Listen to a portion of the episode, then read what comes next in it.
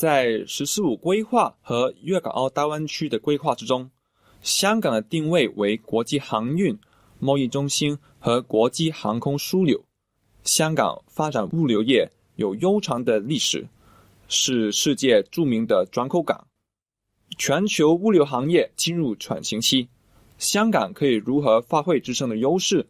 巩固枢纽的地位呢？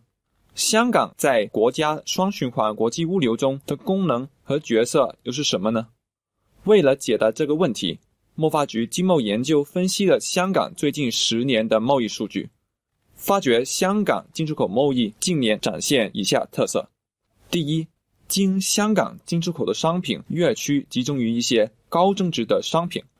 过去十年，电子商品、零件、仪器、香水。化妆品等的进出口货值增长迅速，这些商品对保安的要求比较高，而且不少需要进行暂存、分装和中转等工序。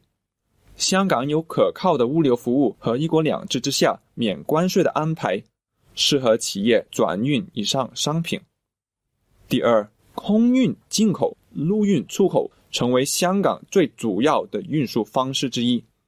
不少电子商品和零件、珠宝、化妆品、水果等商品经空运来到香港，然后经陆路进入中国内地。这显示香港国际机场深受企业欢迎，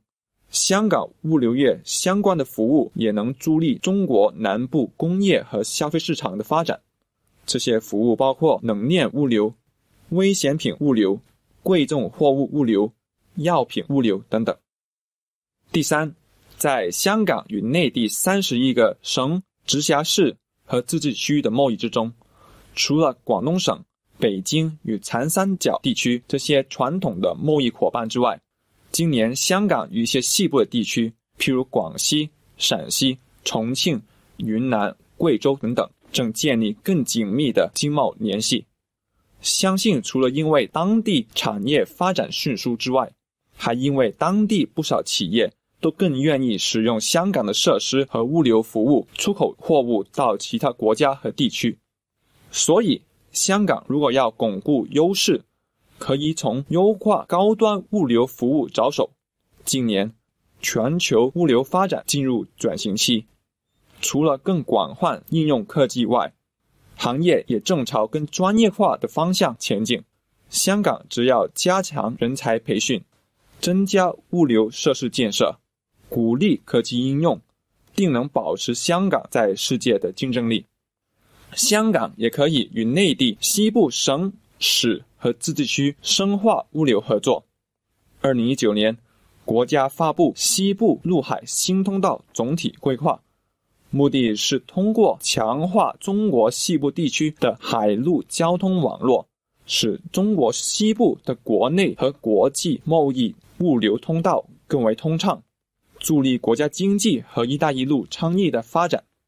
香港可以向西部地区推介香港在空运物流方面的优势，